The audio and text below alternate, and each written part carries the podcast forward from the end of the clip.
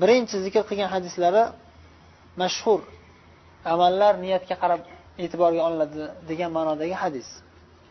An amir al mo'minin abi hafs umar ibn xattob umar ibn xattob roziyallohu anhu bilasizlar mashhur xalifa ikkinchi o'rinda turadigan eng buyuk sahobiy roziyallohu anhu shu kishi rivoyat qiladilar. Aytdilarki samitu rasululloh sollallohu alayhi vasallam yaqul. Men o'z qulog'im bilan rasululloh sollallohu alayhi vasallamni shunday bir so'zni aytayotganlarini eshitdim innamal a'malu binniyat albatta amallar niyatga qarab bo'ladi dedilar har bir inson uchun u niyat qilgan narsa bo'ladi har bir insonga o'zi niyat qilgan narsaga yarasha jazo mukofot bo'ladi degan ma'noda فمن كانت هجرته إلى الله ورسوله فهجرته إلى الله ورسوله bas kimdaki hijrat qilishidan maqsadi olloh va rasuliga hijrat qilish bo'lsa darhaqiqat uning hijrati haqiqatdan ham olloh va rasuliga bo'libdi. Olloh va rasuliga hijrat qilgan bo'ladi dedilar.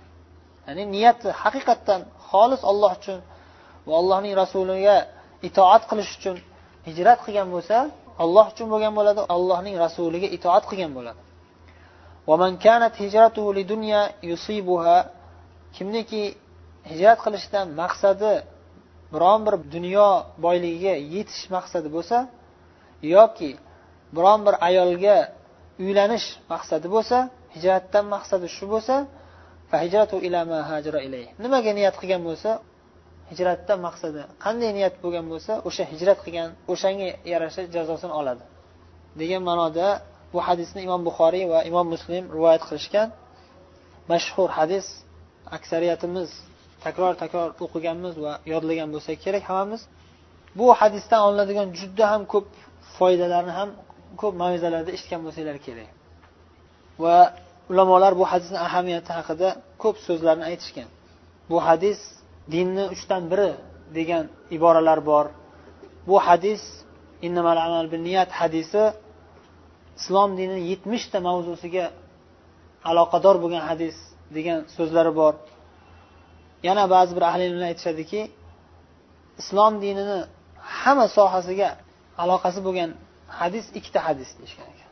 Islom dinini hamma yog'iga aloqasi bo'lgan ahamiyati bo'lgan eng asosiy hadis ikkita deyishgan ekan. Bittasi mana shu hadis innamal amal binniyat ila axir hadis ikkinchisi man amila amalan laysa alayhi amruna fahuva raddu. Kimki bizni islom dinimizda bo'lmagan bir amalni dindan deb amal qilsa u mardud rad qilinadi qabul qilinmaydi. Ya'ni bid'at harom qabul qilinmaydi aslo. Ya'ni din mukammal. Nima uchun mana shu ikkita hadis hammasini o'z ichiga oladi deyishgan ulamolar? Chunki birinchisida ixlos ikkinchisida sunnat. Yani birinchisida tavhid ikkinchisida rasulullohga ergashish. Bu degani ya'ni la ilaha illalloh muhammadu rasulullohga amal qilish degani. Shuning uchun mana shu ikkita hadis hamma dinni hamma qismiga aloqasi bor yoki hammasini o'z ichiga olgan desa ham bo'ladi. Nimaga desa chunki la ilaha illalloh muhammad rasululloh deb odamlar islomga kiradi. Qachon islom kiradi? Qanday qilib islom kiradi desa shahodat kalimasini keltirib islom kiradi. Shahodat kalimasi nima desa yolg'iz ollohgagina ibodat qilaman allohdan boshqa hech qanday iloh yo'q. Ibodat qilishga haqli bo'lgan hech qanday iloh yo'q. Birinchi shart shu. Ya'ni niyat xolis bo'lishligi bu. Ikkinchi shart muhammadu rasululloh. Muhammad sallallohu alayhi vasallam allohning rasuli deb e'tiqod qilaman. Ya'ni bu degani rasululloh sollallohu alayhi vasallamdan kelmagan va rasululloh sollallohu alayhi vasallamni sunnatlariga to'g'ri kelmaydigan biror bir amalni qabul qilmayman. Faqatgina rasululloh sollallohu alayhi vasallam orqaligina dinni o'rganaman. Menga boshqa odamlar orqali din kerak emas. Jannat eshigi to'silgan illo rasululloh muhammad sallallohu alayhi vasallam orqaligina jannatga kirish mumkin. Agar boshqa eshik topaman deb ketsa do'zax eshigiga ketgan bo'ladi. Alloh asrasin. O'shaning uchun mana shu ikkita hadis butun islomni o'z ichiga olgan deb shunday ta'birlar bilan aytishgan ahamiyatini bayon qilish uchun. Yana ulamolar bu yerda rasululloh sollallohu alayhi vasallamni so'zlari juda ham buyuk hikmatli ekanligini ba'zi bir qirralarini bayon qilishadiki birinchisida aytdilarki takrorlab aytdilar. Kimki olloh va rasuliga hijrat qilgan bo'lsa demak olloh va rasuliga hijrat qilgan bo'libdi dedilar. Takrorlab aytyaptilar.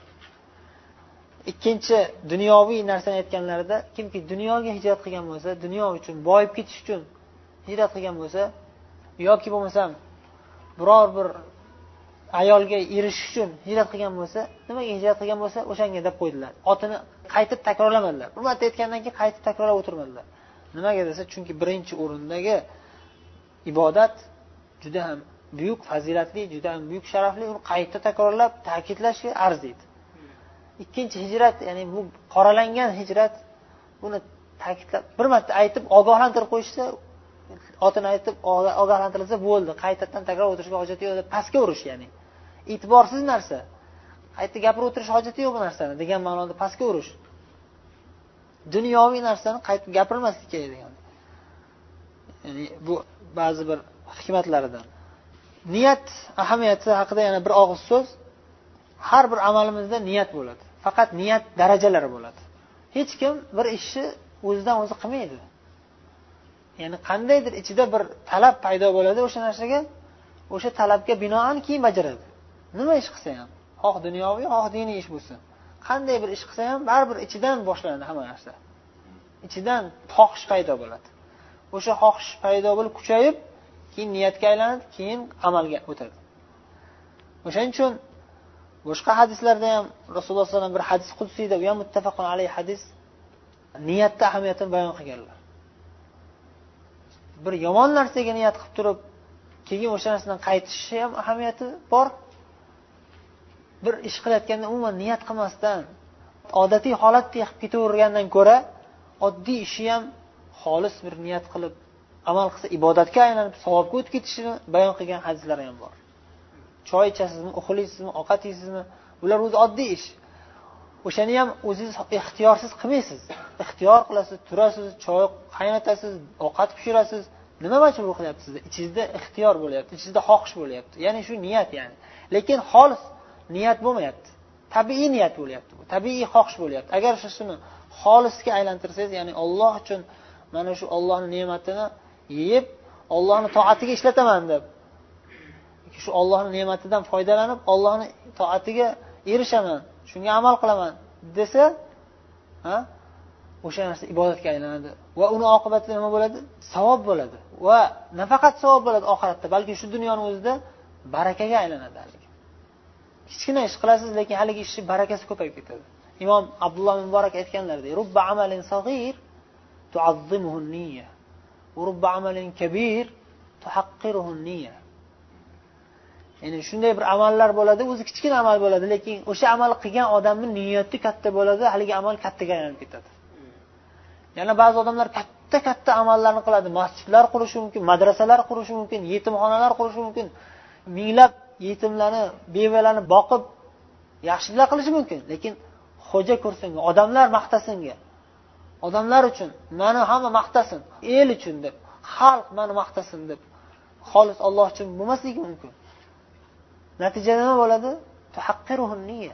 Shu niyati xolis bo'lmaganligi uchun pastga aylanib ketadi haqir bo'lib ketadi e'tiborsiz bo'lib ketadi yo'qolib ketadi. Yana bir hadisda rasululloh aytdilar sabaqa dirham dirham dedilar. Ha? Mashhur hadislardan. Bir odam bir dirham sadaqa qildi yana bir odam yuz ming dirham sadaqa qildi. Yuz ming barobar ko'p narsa sadaqa qildi. Lekin sabaqa dirham. Shu bir dirham bu yuz mingdan oshib ketdi deyaptilar. Nima uchun? Niyati kuchli bo'lganligidan. Xolisligi olloh uchun bo'lgan xolis bo'lganligi uchun kuchli. Shunday bir tarixda biza ilm haqida ilm olyapmiz ilm haqida ham ilmda ham niyat ahamiyatligini aytib o'tsak tarixda shunday ulamolar o'tgan ko'p odamga dars berishmagan. Bitta ikkita shogird qoldirib ketgan xolos. Lekin u odam o'zidan keyin qoldirib ketgan shogirdi keyin minglab balki yuz minglab odamlarga dars bergan. Kimga boradi savobi? Haligi kichkina chiqib ketgan odamga savob bitta odam dars berib ketdi xolos. Ba'zilar ikkita odamga dars berib ketdi xolos. Lekin o'zidan keyin qolgan ilm haligi bitta odam orqali bo'lsa ham butun dunyoga tarqab ketdi. Imom abu hanifa nechta shogirdini eshitgansizlar misol uchun? Ko'p shogirdlar bor lekin eng mashhurlaridan ikkitasi bor. Abu yusuf muhammad hasan. Ikkalalari butun dunyoga deyarli imom abu hanifani fiqhlarini axloqlarini tarbiyalarini tarqatishgan desa ham bo'ladi. Bu bir misol. Hozir payg'ambarimiz sollallohu alayhi vasallamdan qiyomatgacha qancha musulmon bo'ladi bilmaymiz. Milliardlab bo'lar. Milliardlab hamma milliardlab musulmonlarni savobi kimga borib turadi? Rasululloh sollallohu alayhi vasallamga. Eng katta ustozimiz eng katta imomimiz rasululloh alayhi bitta inson. Bitta insonga borib turadi. Niyatlari xolis bo'lganligi uchun juda olloh yo'lida fidoyi bo'lganliklari uchun alloh taolo shu darajada ko'p ajr savob berib turadi. Qiyomatgacha to'xtamaydi. Va ulardan keyingilari o'zlariga yarasha ajr savob olishaveradi. Allohdan so'rab qolamizki hammamizga xolis niyat nasib qilsin va amalimizni ham sunnatga muvofiq bo'lishini nasib qilsin bu hadisning qisqacha ma'nosi va sharhi mana shunday endi hadisi sharifning arabcha matniga yana bir bor quloq solamiz عن امير المؤمنين ابي حفص عمر بن الخطاب رضي الله عنه قال سمعت رسول الله صلى الله عليه وسلم يقول إنما الأعمال بالنيات وإنما لكل امرئ ما نوى. فمن كانت هجرته إلى الله ورسوله فهجرته إلى الله ورسوله. ومن كانت هجرته لدنيا يصيبها أو امرأة ينكحها فهجرته إلى ما هاجر إليه.